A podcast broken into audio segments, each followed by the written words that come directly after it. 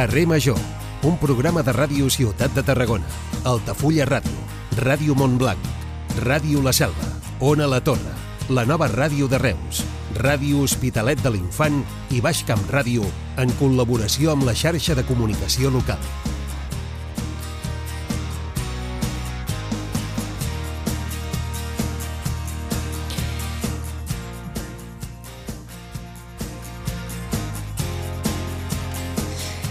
Hola, bona tarda, benvinguts un dia més a Carrer Major, el programa que fem 8 emissores del Camp de Tarragona. Avui, amb la mirada fixada a casa i també fixada a Madrid i a Barcelona.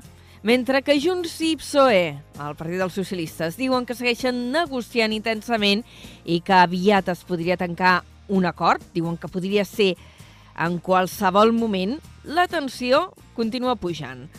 Ahir a la nit hi va haver 6 detinguts i 30 agents ferits en la segona jornada, la segona nit d'Aldarulls, al voltant de Ferraz, del carrer Ferraz, on hi ha la seu del Partit dels Socialistes a Madrid. Al Parlament avui hi ha hagut reaccions sobre aquests aldarulls. El líder del PSC, en Salvador Illa, ha dit que els atacs a la seu socialista, recordem que aquí a Tarragona també hi va haver una mobilització, qüestionen el sistema de convivència i demana serenitat i fermesa. Per la seva banda, el president de la Generalitat, Pere Aragonès, ha lamentat les greus amenaces de la ultradreta i ha comparat el discurs de Vox amb el d'un cop d'estat. Tot això s'ha dit avui en la sessió de control al govern que es fa a la cambra catalana. En clau política, Aragonès han dit allí mateix, en aquesta sessió de control, que espera comptar amb tothom durant la segona fase de la negociació amb l'Estat en què, més enllà ja de l'amnistia, preveu abordar la qüestió del referèndum. També ha anunciat que dedicarà l'any vinent a aconseguir un ampli acord al Parlament per acabar amb el dèficit fiscal. Això entre Madrid i Barcelona. I aquí Pimec ha dit avui que constata que les petites i mitjanes empreses tarragonines presenten una millor competitivitat que la mitjana de Catalunya. La dada es desprèn de l'informe anual que ha presentat la patronal a Tarragona. En parlarem a l'informatiu i en aquesta primera hora del programa fixarem la mirada en la primera setmana de l'hidrogen de Catalunya que demà arrenca a Tarragona. Es farà al moll de costa.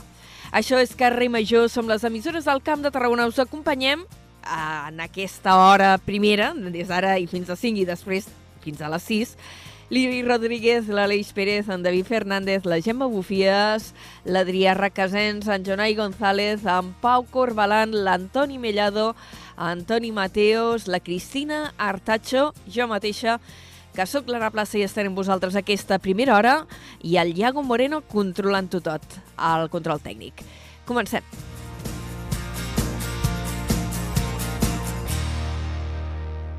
Carrer Major, Anna Plaza i Jonai González.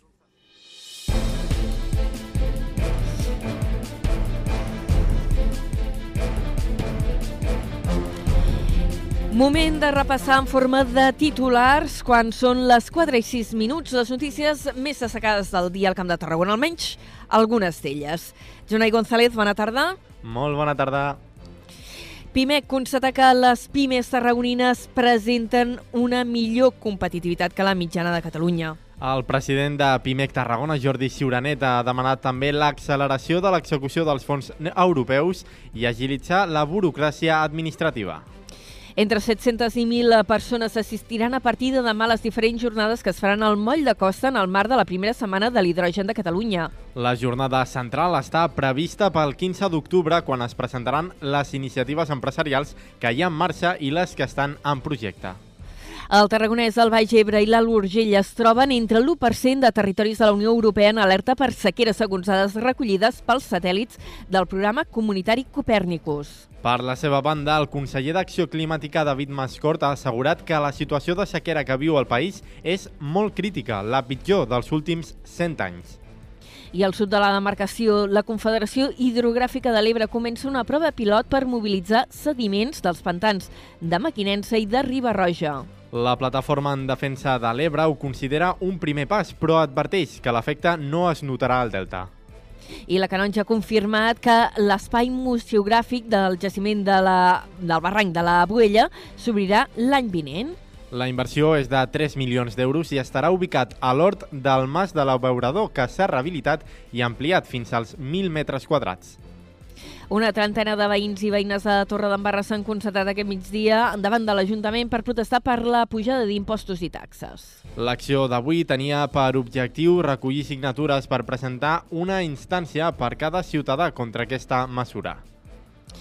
I en Cultura avui, evidentment, parlarem de l'inici del festival Memory Mash que arrenca amb una pel·lícula sobre la figura i l'obra de Joan Perucho.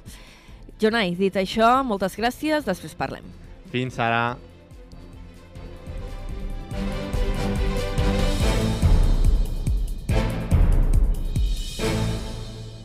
Carrer Major. Toni Mateos.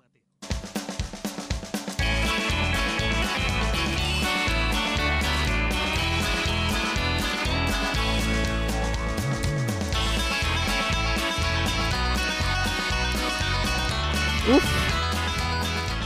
Mateos! Què et, pa què, què, què et passa? Què et passa? Ho acabo de comprovar. Sí, és Joan Perucho, eh? la pel·lícula inaugural, o està dedicada amb ell la pel·lícula inaugural del Memory Mash.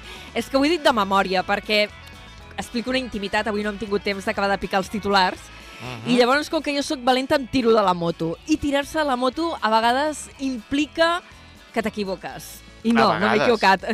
Ben bé, Joan Perucho, Joan Perucho, molt bé, molt bé. Sí, molt bé. sí, Joan Perucho, gran escriptor, amb una de les seves novel·les més populars, ambientada a Pratdip, Mm, amb els dips.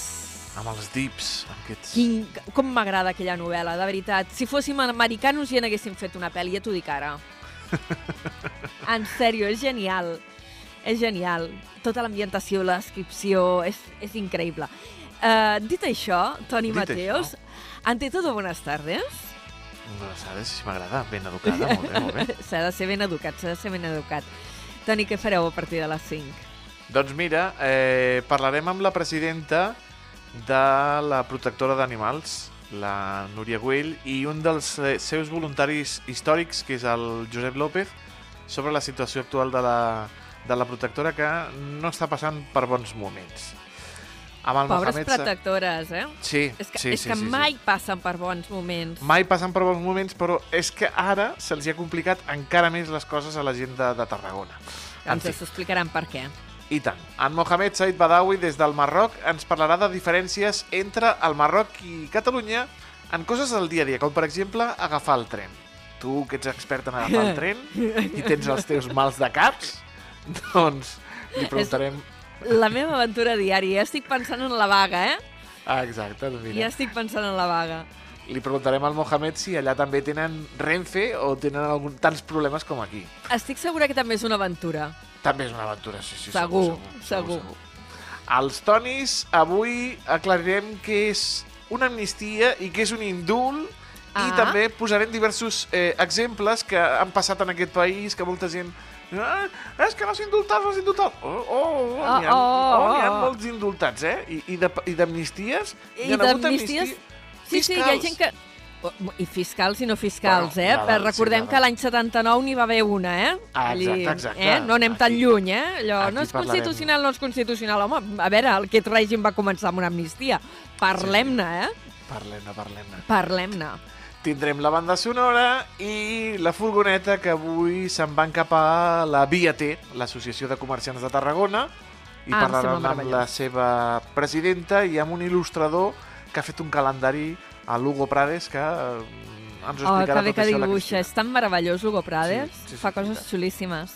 Doncs Toni, per cert, Cristina. Has Digue'm. vist que mentre dinava, perquè jo mentre dinava miro Twitter, aquí Sí. la, les intimitats, t'he enviat una cosa molt xula per fer una Ho he secció de vist, tonis. Ho he vist, ho he vist, i té, té molt, té molt, té He molta rigut xitxa. tant, he rigut tant, eh? Sí, sí, sí. Ho tindrem present per, per properes edicions dels Tonis. D'acord. Uh, Toni Mateus, uh, passo el relleu a les 5. Fins després. Fins després, Anna.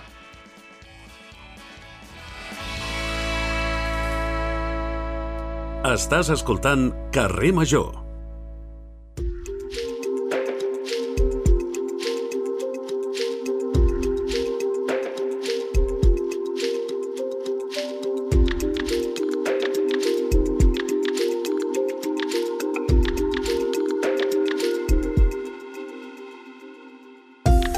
Avui a Carrer Major parlarem d'un tema del qual ja n'hem parlat amb algunes, vega algunes vegades i amb un convidat que també ja ha passat per aquí al programa. Parlarem de l'hidrogen i ho farem amb l'Isaac Justícia, que és el director de l'Oficina Tècnica de la Vall de l'Hidrogen de Catalunya i ho fem coincidint amb que aquest dijous arrenca al moll de costa la primera Hydrogen Week de Catalunya, que coordina, de fet, ell mateix. Senyor Justícia, bona tarda, benvingut. Bona tarda, moltes gràcies per convidar-nos. Uh, la primera vegada que es fa unes jornades d'aquestes característiques a Catalunya, quin, quina és la voluntat d'aquestes jornades?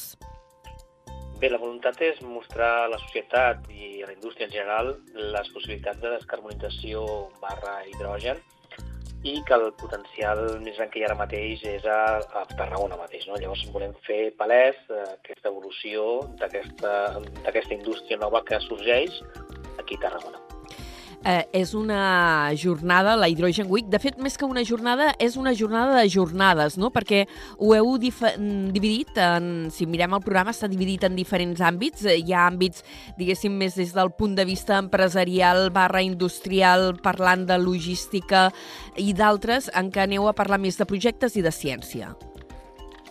Sí, està, està basat que en aquests set dies que durarà la, les jornades eh, puguem parlar amb diferents sectors, en diferents ambients i diferents tipologies de problemes i projectes que hi ha en el sector de l'hidrogen.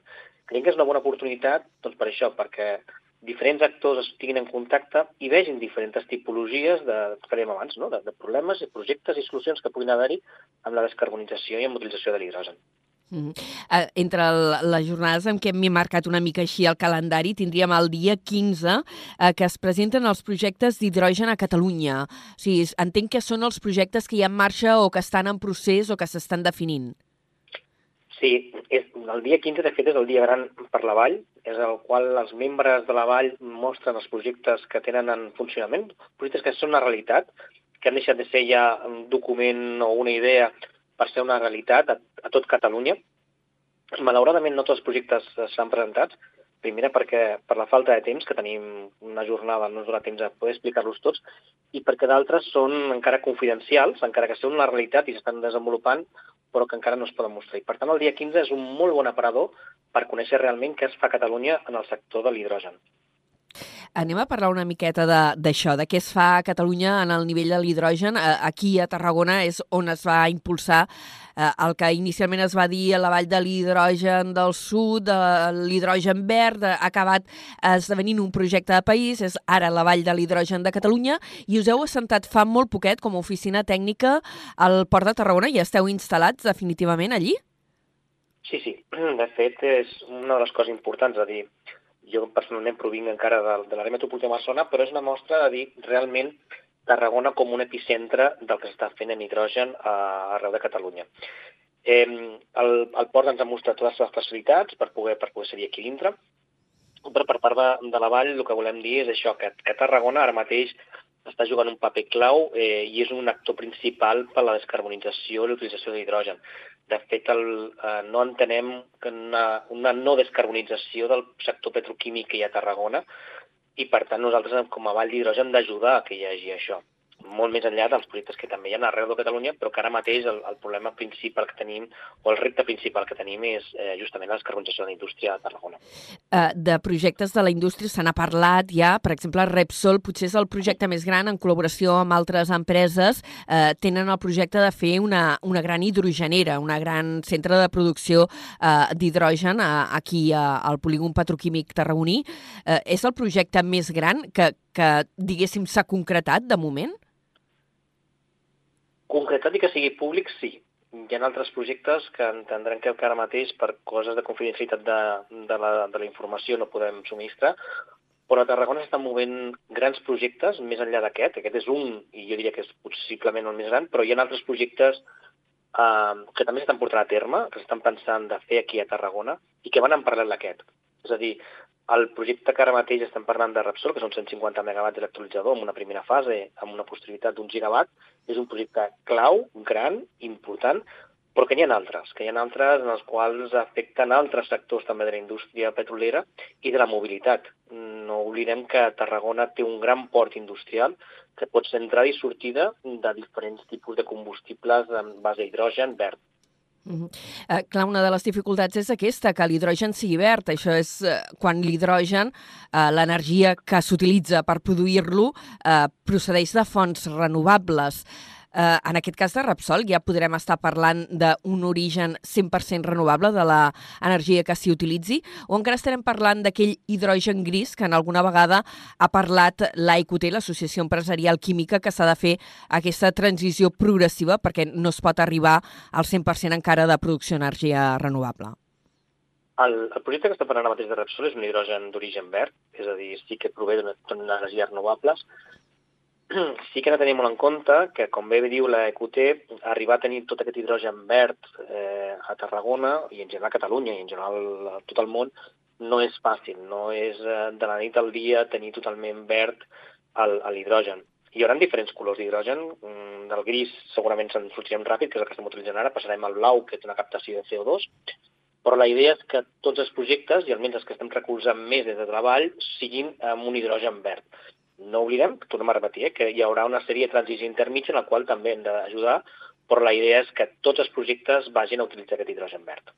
Ara estem en un moment de, de transició energètica en què hi ha en competència diferents models. Tenim el model de les renovables. En alguns països encara s'està apostant i fort eh, per les nuclears, que s'han tornat a posar sobre la taula. I aquest altre model de l'hidrogen, però l'hidrogen sempre ho he explicat, que és un vector. De fet, per produir-los necessita energia i llavors és com una mena de pila de combustible. Sí, de fet, les, les primeres vegades i els primers estudis que es van realitzar amb l'hidrogen eren pensats més com una magatzematge tipus pila. Uh, l'hidrogen com a tal, el que diem ara mateix, no és una font d'energia. Sí pot ser matèria prima, és a dir, que es pot utilitzar l'hidrogen per processos químics, però això és una altra cosa, que, que parlaríem en una altra part, però l'hidrogen com a que entenem com a vector és un vector energètic, és a dir, l'hem de fabricar per tornar a obtenir energia. Per tant, necessitem una font d'energia que generi aquest hidrogen i, per tant, necessitem una font d'energia verda. Eh, pot ser aquesta font verda que estem dient ara mateix i, segons està dient també la, la Comissió Europea, pot ser nuclear, pot ser eòlica, pot ser de qualsevol tipus d'energia renovable. I aquest hidrogen generat ens portarà en una altra font, en un altre lloc, una energia necessària per la mobilitat, per la indústria, etc. I en el tema de l'automoció, perquè ara sí que s'està en aquest moment també de transició, no? de eh, tirem cap al cotxe elèctric, tirem cap al cotxe híbrid, eh, l'hidrogen s'està intentant fer el seu lloc, però potser encara no tant com, com altres models. Jo entenc que l'hidrogen com a, com a elèctric eh, són, són coses que han de conviure, és a dir, hi ha moltes coses que l'electricitat és molt més eficient que l'hidrogen i per tant ha de tenir el seu camp l'hidrogen ha de cobrir només aquelles parts en què l'electricitat o l'electrificació, diguem-ho així, no pot arribar-hi. Uh, l'hidrogen no tindria sentit de que si es pot electrificar poséssim hidrogen. I això hem de ser conscients i hem de ser realistes. Hem d'anar a aquells llocs on sigui molt complicat l'electrificació. Una de les coses que estem parlant, per tant, la mobilitat, és complex utilitzar l'hidrogen. Només pot ser l'hidrogen utilitzat en aquells que l'electrificació no arribi, per exemple, amb, amb grans eh, camions, amb, amb transport pesat, en el qual sigui molt complicat, ara com ara, eh, carregar-los elèctricament. També hem d'entendre que, com els vehicles elèctrics, els vehicles d'hidrogen són molt cars. Llavors, fer una recuperació d'inversió, simplement per números econòmics, eh, no surten els números. No ens enganyem. Per tant, han de ser eh, indústries o mobilitat eh, que sigui, diguéssim, ajudada per les administracions públiques. Amb això... Com Eh, no, no, ara que diu això d'ajudar per les administracions públiques, hi ha un compromís de la Generalitat, no s'ha considerat estratègic aquest àmbit?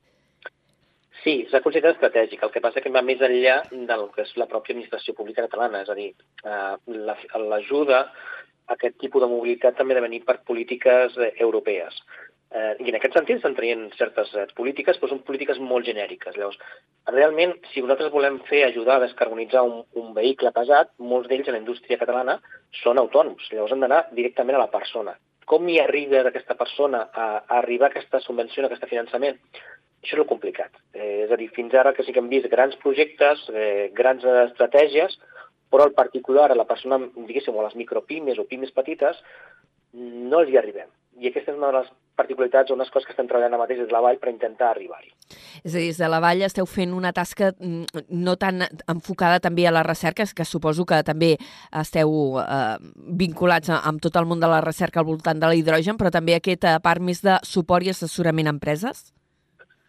Sí, des de, des de dintre de la vall el que intentem és promoure doncs, la indústria, és a dir, tenim dintre de la vall el que és un, un conglomerat, que nosaltres diem l'Aliança del Coneixement, que constitueixen diferents centres, entre ells està l'ICIC, està Eurecat, de Rovira i Virgili, i després també tenim l'IREC i la UPC, i aquests centres sí que utilitzen com a, com a part de recerca i desenvolupament, però el que ens interessa des de la vall és també arribar a la vessant més industrial, arribar a que aquests desenvolupaments industrials que s'estan fent a la recerca arribin a la realitat, arribin a implementar-se.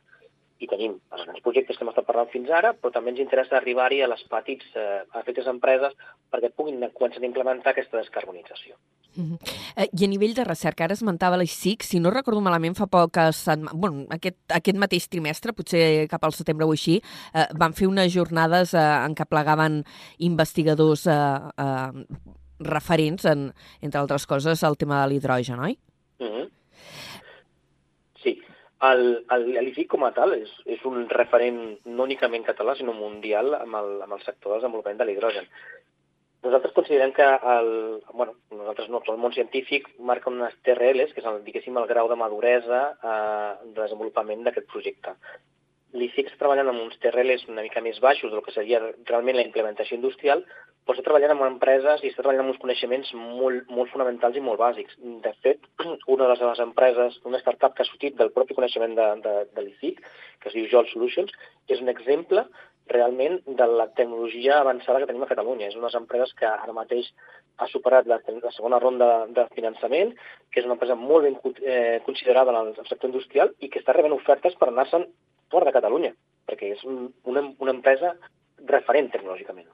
Eh, hem parlat de l'ICI, que situem-ho, eh? és l'Institut Català d'Investigació Química que té la seu al campus de Salades de, de Tarragona, al, al barri de Sant Pere i Sant Pau, i que és un centre de referència en investigació química, com comentàvem. I parlant de recerca, una altra de les jornades que s'inclouen en aquesta Hydrogen Week eh, serà ja al final de, de, de la Hydrogen Week, de la Setmana de l'Hidrogen, serà el 17 de novembre, en què presentareu o parlareu més d'aquesta part de recerca eh, d'innovació al voltant eh, de l'hidrogen, eh, perquè encara eh, hi ha reptes a assolir pel que fa o sigui, el procés de producció de l'hidrogen és eh, a partir de l'aigua, normalment, però no sé si esteu eh, avaluant altres eh, mitjans eh, per obtenir-lo o fer més eficient aquest procés que, que requereix aplicar electricitat a l'aigua per poder separar els seus components. Sí, totalment. El, el, a veure, el, el tema de la síntesi de l'hidrogen, fins ara la més utilitzada és l'electròlisi, i tothom parla de l'electròlisi. Però hi ha altres vies que potser no estan tan desenvolupades industrialment o tecnològicament i necessiten aquesta grau de maduresa per, per poder eh, tirar endavant. Ja des de la generació, des de mm, amalques, per exemple, o fotocatàlisis, o sigui, hi ha, hi ha moltes eh, tecnologies que estan provant o que estan encara amb un grau de maduresa no tan avançat com l'electròlisi, però que es poden arribar, a arribar a utilitzar. Eh, situem una miqueta. Fotocatàlisi entenc que seria a través de la llum provocar la reacció química per separar els components de l'aigua. Correcte, seria una, una cosa semblant més a l'electròlisi, el que passa que seria utilitzant la, energia elèctrica externa, però utilitzant també la llum solar que afavoriria doncs, aquest, diguéssim, aquest consum energètic per poder generar.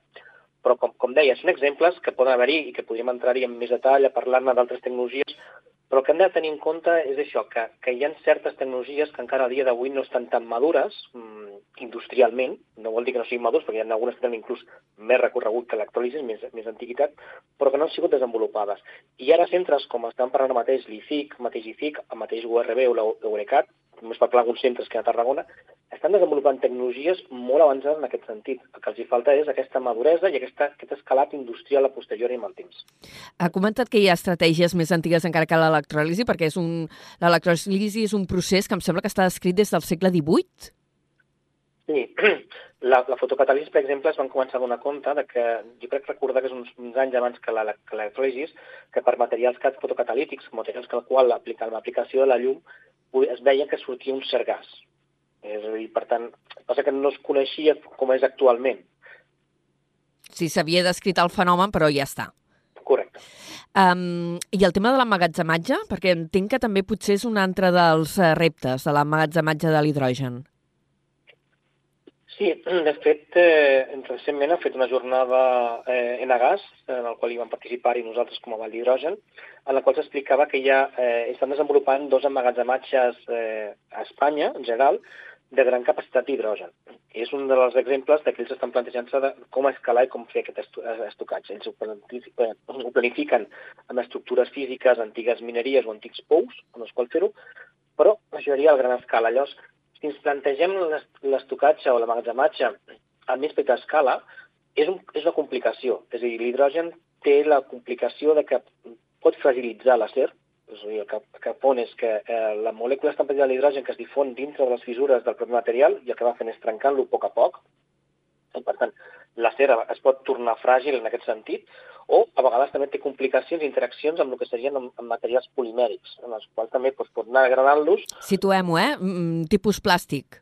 Tipus plàstic, correcte, sí, sí. O tipus plàstic o tipus derivats del plàstic amb altres eh, conglomerats. Llavors, tot això que fa és que no tinguem clara la, eh, diguéssim, quin és el material del futur per emmagatzematge a alta pressió d'aquest hidrogen.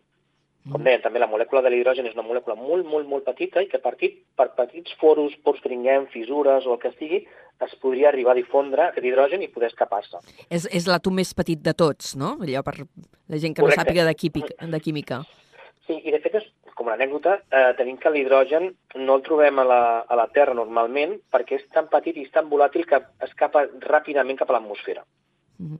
Llavors, la complicació és aquesta, com puguem eh, atrapar aquest hidrogen i no fer que s'escapi cap a l'atmosfera eh, hem parlat una mica així repassada general de sobretot aquest uh, ús energètic que pot tenir l'hidrogen eh, fent piles de combustible, per exemple, eh, però deies que també pot tenir, o deia que també pot tenir una aplicació com a matèria primera en la indústria química. En quins àmbits s'utilitza o per què s'utilitza aquesta molècula? L'hidrogen com a matèria prima s'utilitza com un agent reductor, és a dir, el que al final es fa és que moltes vegades tenim material orgànic eh, oxigenat, amb àtoms d'oxigen, el que s'intenta és canviar aquest oxigen per un hidrogen. Així tenim doncs, eh, diferents complexes, o per exemple la fabricació d'amoníac, o podem tenir altres complexes més orgànics que podem utilitzar aquest hidrogen per reduir, eh, per reduir la molècula, o sigui, treure-li l'oxigen i convertir-la en un hidrogen. Això s'utilitza mm, freqüentment aquí en, eh, en el petroquímic, per exemple, l'obtenció de plàstic s'utilitza bastant, bastant sovint, però hi ha altres reaccions també que s'utilitza aquest hidrogen per reduir aquesta molècula. Eh, I una altra pregunta sobre, sobre l'ús de, de l'hidrogen.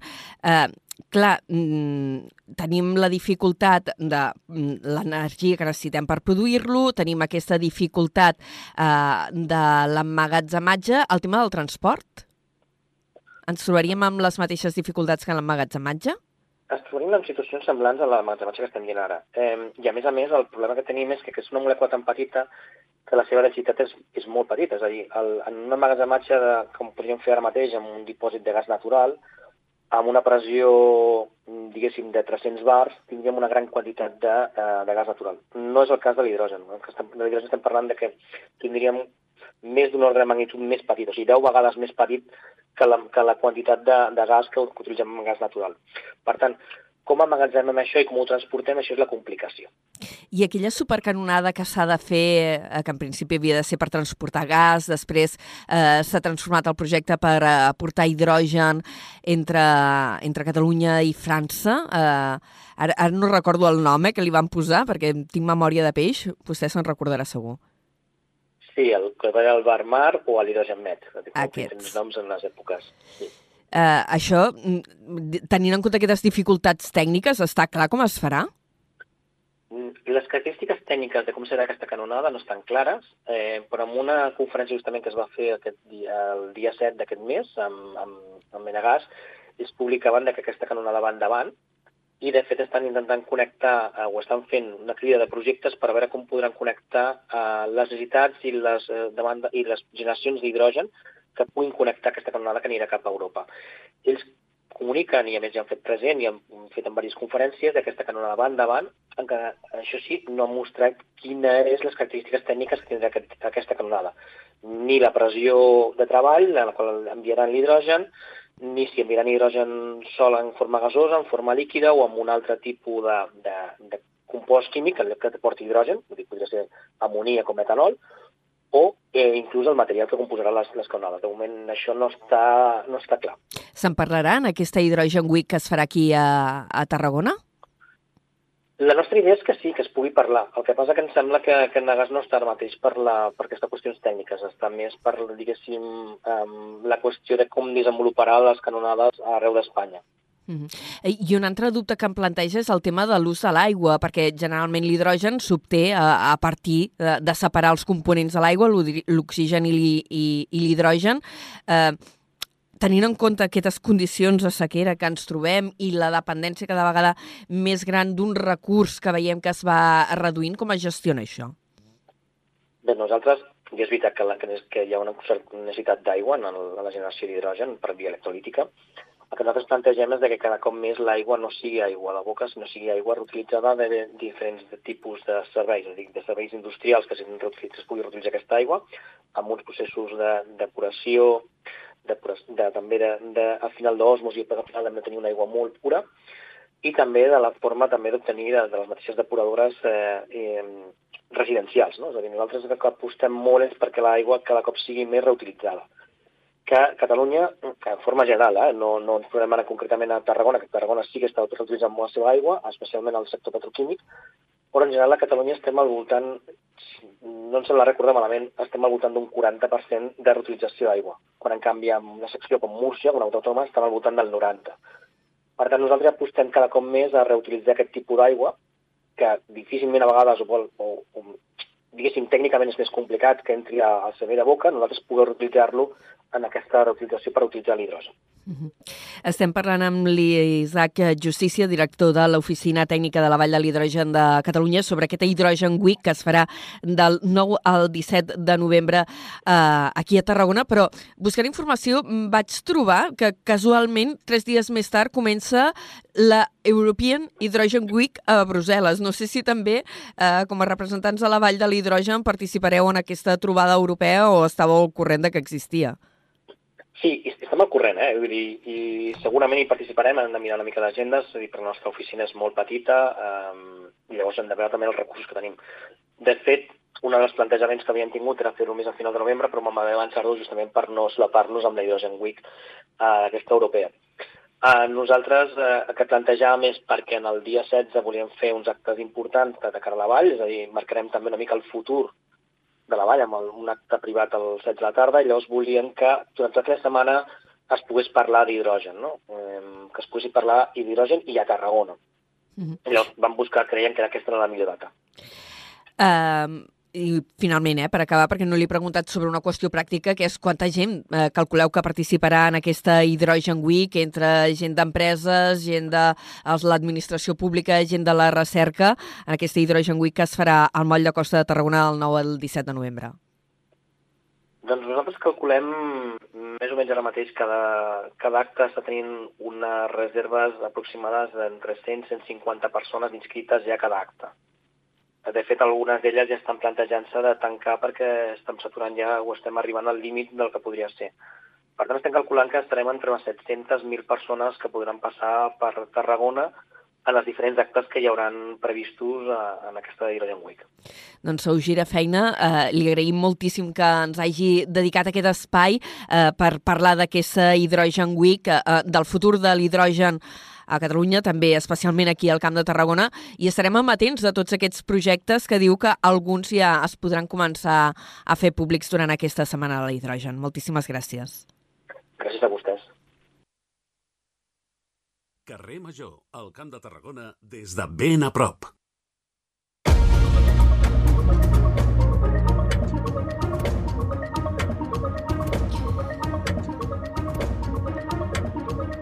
Seguim ara amb l'actualitat, amb l'ampliació de les notícies que abans us hem apuntat en els titulars. Uh, són les 4 i 37 minuts. Jonai, bona tarda de nou. Molt bona tarda de nou.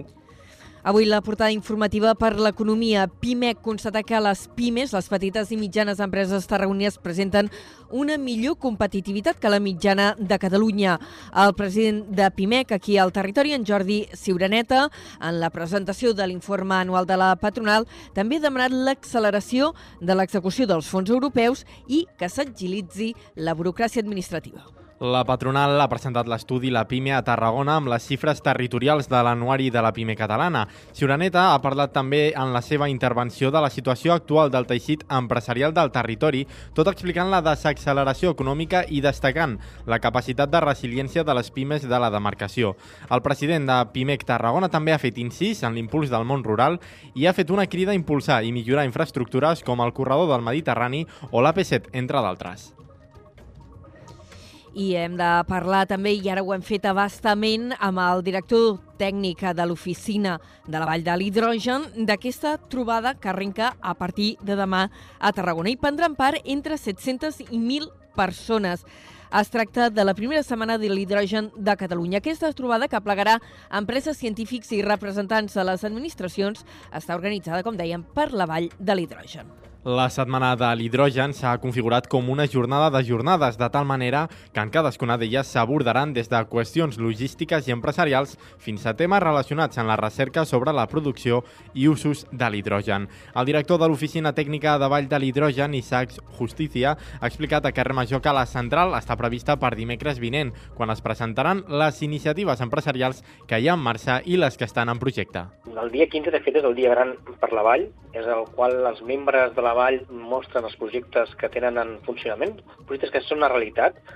Malauradament no tots els projectes s'han presentat, primera perquè per la falta de temps, que tenim una jornada, no ens dona temps a poder explicar-los tots, i perquè d'altres són encara confidencials, encara que són una realitat i s'estan desenvolupant, però que encara no es poden mostrar. I per tant, el dia 15 és un molt bon aparador per conèixer realment què es fa a Catalunya en el sector de l'hidrogen.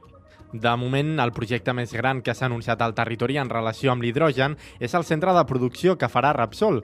El projecte costarà 230 milions d'euros i preveu abastir d'hidrogen renovable al polígon petroquímic al 2025. Isaac Justícia ha avançat que hi ha altres projectes embastats que s'anunciaran aviat però a Tarragona s'estan movent grans projectes més enllà d'aquest. Aquest és un, i jo diria que és possiblement el més gran, però hi ha altres projectes eh, que també s'estan portant a terme, que s'estan pensant de fer aquí a Tarragona i que van en paral·lel d'aquest. És a dir, el projecte que ara mateix estem parlant de Repsol, que són 150 megawatts d'electrolitzador en una primera fase, amb una posterioritat d'un gigawatt, és un projecte clau, gran, important, però que n'hi ha altres, que hi ha altres en els quals afecten altres sectors també de la indústria petrolera i de la mobilitat.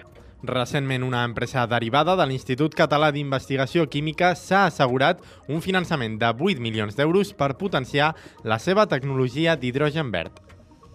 Més eh, qüestions, parlem ara de la sequera.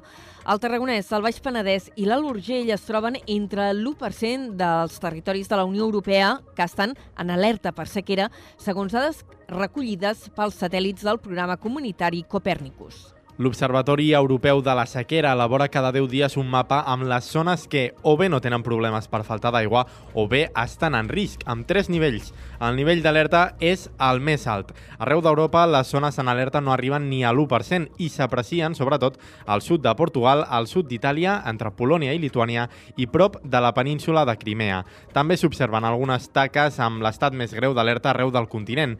Entre aquests hi ha la major part de la comarca del Pla d'Urgell, al nord-est del Tarragona Tarragonès i tota la meitat occidental del Baix Penedès.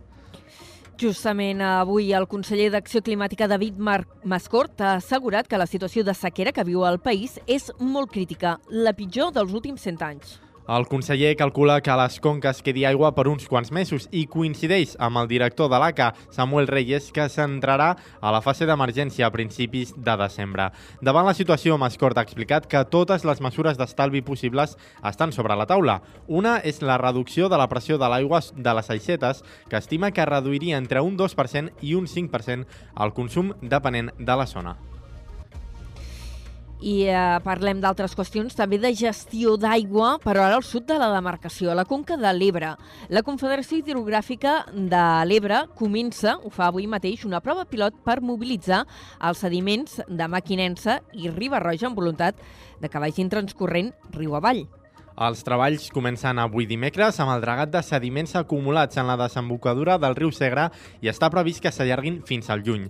Es faran extraccions amb excavadores i per succió i es mobilitzaran fins a 12.700 metres cúbics. La presidenta de la Confederació Hidrogràfica de l'Ebre, Maria Dolores Pasqual, ha manifestat que ara el repte és establir la millor manera per fer circular aquests sediments riu avall. Y estamos ya prácticamente en esa segunda fase en la que vamos a hacer pruebas piloto para eh, utilizar distintas técnicas que nos permitan hacer una movilización eficiente. La movilización de los sedimentos no es nada fácil, tiene muchísimas consecuencias y, por tanto, hay que saber exactamente con qué herramientas se pueden contar. La plataforma en defensa de l'Ebre denuncia que aquesta mobilització de sediments no tindrà cap impacte al delta.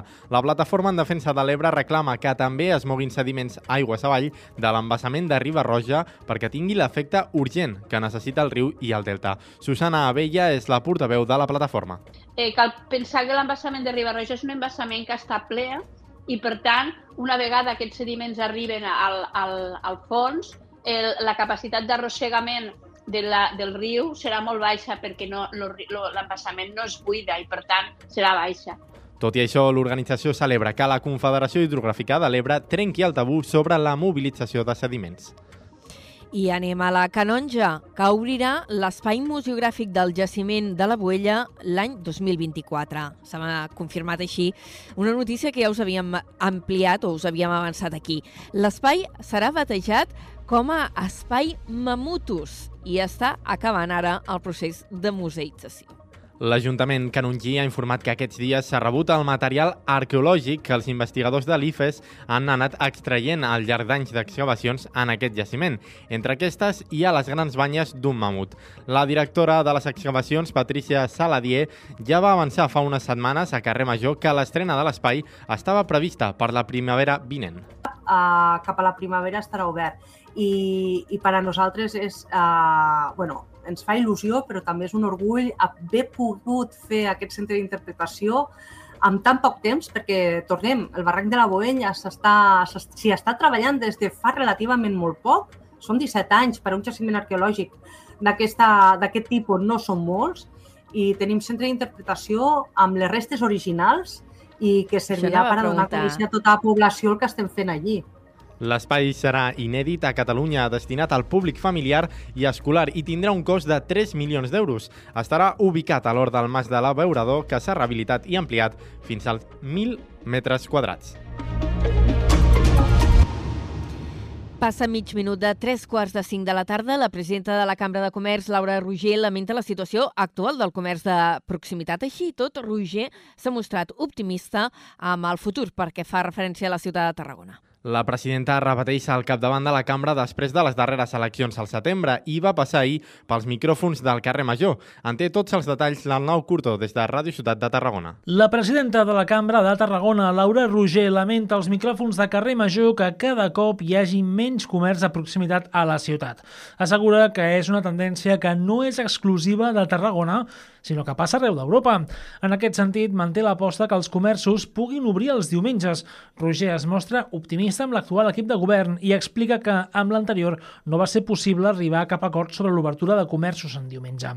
També al voltant que Tarragona sigui declarada municipi turístic. La gent s'ha acostumat a comprar per internet. Per això jo sóc una ferma defensora d'obrir també els diumenges. Però amb els quatre anys que hem tingut, doncs clar, com que eh, estaven en contra dels creuers, en contra d'obrir els diumenges, en contra de tot, però ara jo em penso que eh, han entès que declarar Tarragona municipi turístic l'únic que implicaria és que podríem obrir els diumenges no tothom, sinó qui vulgui. O sigui, tampoc és obligatori, eh? Roger repeteix mandat al capdavant de la Cambra de Tarragona després que fos reelegida per unanimitat el passat mes de setembre. Podeu recuperar l'entrevista sencera al carrer Major a la web de Ràdio Ciutat de Tarragona. Moltes gràcies, Arnau. A Tarragona també, eh, ja fa unes setmanes, i també us ho explicàvem aquí, de la posada en funcionament del nou sistema de vehicles de mobilitat eh, personals. En Comú Podem avui ha fet eh, valoració d'aquest inici. Els comuns han destacat que s'han fet avenços, però que encara s'està lluny del punt on caldria arribar. Ens ho amplia des de Ràdio Ciutat de Tarragona l'Adrià Duc. El portaveu del grup municipal d'en Comú Podem a Tarragona, Jordi Collado, ha criticat el fet que no sigui una concessió pública, sinó una empresa privada qui gestioni el servei i ha explicat alguns dels punts que més els preocupen. No hi ha eh, una connexió real de la ciutat eh, i és evident que, que només estigui el servei fun en funcionament al centre i a Sant, a Sant Pere i Sant Pau per una qüestió de que està a la universitat, deixant mm, una part important de la, de la ciutat fora del servei, merament amb una perspectiva econòmica. Collado, a més de la connexió no real de la ciutat, també ha parlat sobre les tarifes i preus del servei a Tarragona comparant-ho amb altres ciutats de l'Estat. És que és més car anar amb la bicicleta elèctrica que amb l'autobús públic i, i per tant crec que això és molt significatiu però si a més ens comparem amb ciutats eh, que fa anys que tiren el projecte amb una perspectiva pública, com és la Girocleta Girona, veiem que els preus eh, són desorbitats. Per acabar, els comuns han manifestat la seva intenció de reunir-se en els propers dies amb el govern per tractar d'apropar posicions i oferir millores en el servei als ciutadans.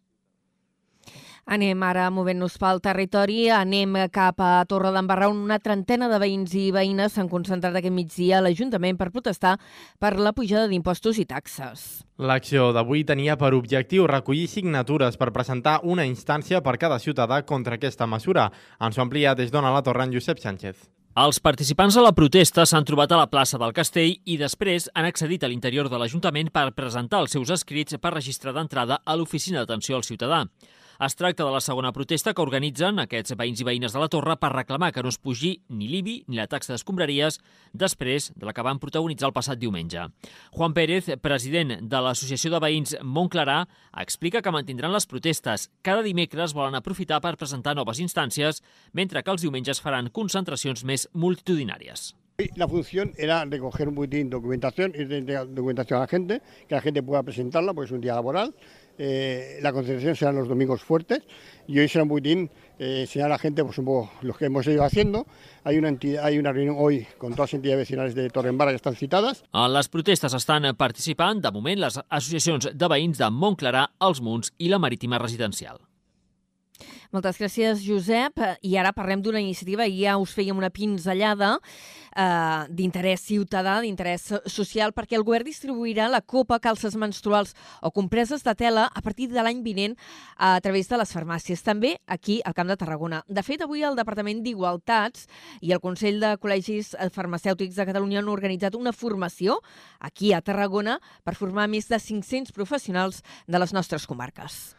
De fet, s'ha anunciat des del departament que a Catalunya actualment es generaven 9.000 tones de residus menstruants i amb aquesta acció es reduirà a només 3 quilos. Al Camp de Tarragona, unes 177.000 persones menstruants podran adquirir els productes reutilitzables a través d'un codi QR a l'aplicació La meva salut. Es tracta d'una mesura pionera a l'Estat que té la voluntat de garantir el dret a l'equitat menstrual. Segons el govern, la informació personalitzada i l'assessorament de les farmàcies és clau per afavorir l'ús d'aquests productes, especialment per a les persones que els utilitzen per primera vegada, així com per fomentar el coneixement de la població sobre el cicle menstrual.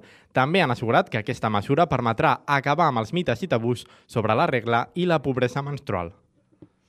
Doncs una iniciativa pensada també per afavorir el medi ambient i s'ha de tenir en compte que demà començarà el, la 31a edició del curs científic que organitza la Fundació Mare Terra Mediterrània en col·laboració amb la Universitat Rovira i Virgili.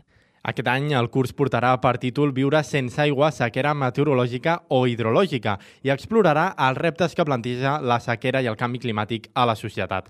Les inscripcions ja estan obertes i es tancaran el 6 de novembre. Durant aquesta jornada, que es desenvoluparà en línia, es comptarà amb diverses ponències i una taula rodona en què es debatrà la problemàtica de la sequera. L'objectiu del curs és oferir una visió integral sobre la gestió dels recursos hídrics en un context de canvi climàtic i com comprendre la diferència entre la la sequera meteorològica i l'escassetat d'aigua. També s'abordarà la qüestió de qui i com consumeix l'aigua, destacant la importància de la ciència ciutadana en aquest context.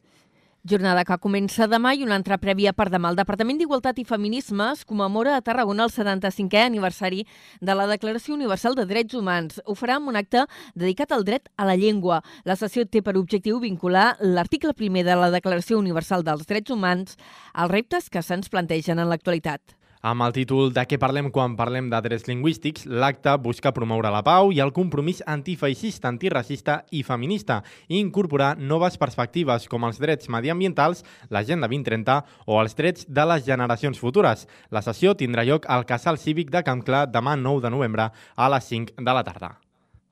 I parlem ara d'uns treballs de restauració als que s'estan fent a l'Església Vella de Sant Salvador de Prenafeta, a la Conca, i que hi arriben a la recta final.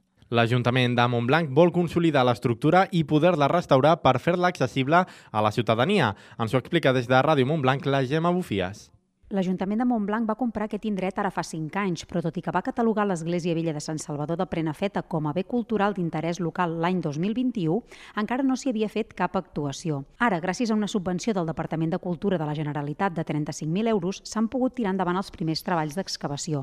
Gerard Ferrer és regidor de Pedanies de Montblanc. I ara el, el que estàvem buscant era la manera de, de, de protegir aquest espai. Gràcies a una subvenció del Departament de Cultura de la Generalitat, eh, ens ha permès fer una excavació arqueològica que ens obrirà les portes a fer un avantprojecte o un projecte de restauració i consolidar tot aquest espai. Al final és un espai molt estimat pels montblanquins i els prenafetencs i tota la gent d'aquí de, del territori. Els treballs han permès deixar al descobert tota l'estructura de l'església, sobretot l'absis que estava plena de runa i munts de pedra.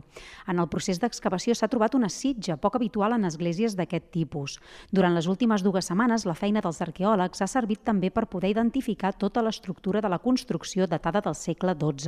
L'objectiu de l'Ajuntament és consolidar l'estructura de l'edifici per poder-lo restaurar i fer-lo accessible a la ciutadania. I abans de passar als esports, fem una crida social. Protecció Civil d'Altafulla cerca voluntaris. Concretament es busquen persones que puguin oferir part del seu temps col·laborant en tasques de suport en emergències o en l'organització d'esdeveniments al poble.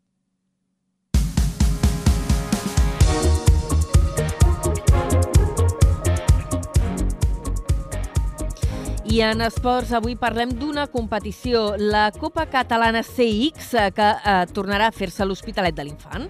Aquest dissabte, 11 de novembre, el calendari català de ciclocross farà parada a les comarques tarragonines amb la disputa del trofeu l'Hospitalet de l'Infant, que tornarà al calendari 4 anys després. Ens ho amplia des de Ràdio L'Hospitalet, Lili Rodríguez. Aquest dissabte 11 de novembre el calendari català de ciclocross farà parada a les comarques tarragonines amb la disputa del trofeu Ciclocross l'Hospitalet de l'Infant, que tornarà al calendari 4 anys després. La cita, organitzada per Promo Events amb el suport de l'Ajuntament de Vandellós i l'Hospitalet de l'Infant i la seva àrea d'esports, juntament amb la Federació Catalana de Ciclisme, portarà la competició en un circuit situat a la zona de l'Alber Esportiu Oster. Aquesta prova és puntuable pels participants federats per la Copa Catalana Ciclocross. Les inscripcions estan obertes al lloc web de la Federació Catalana de Ciclisme, però també es podran dur a terme mitja hora abans de la cursa.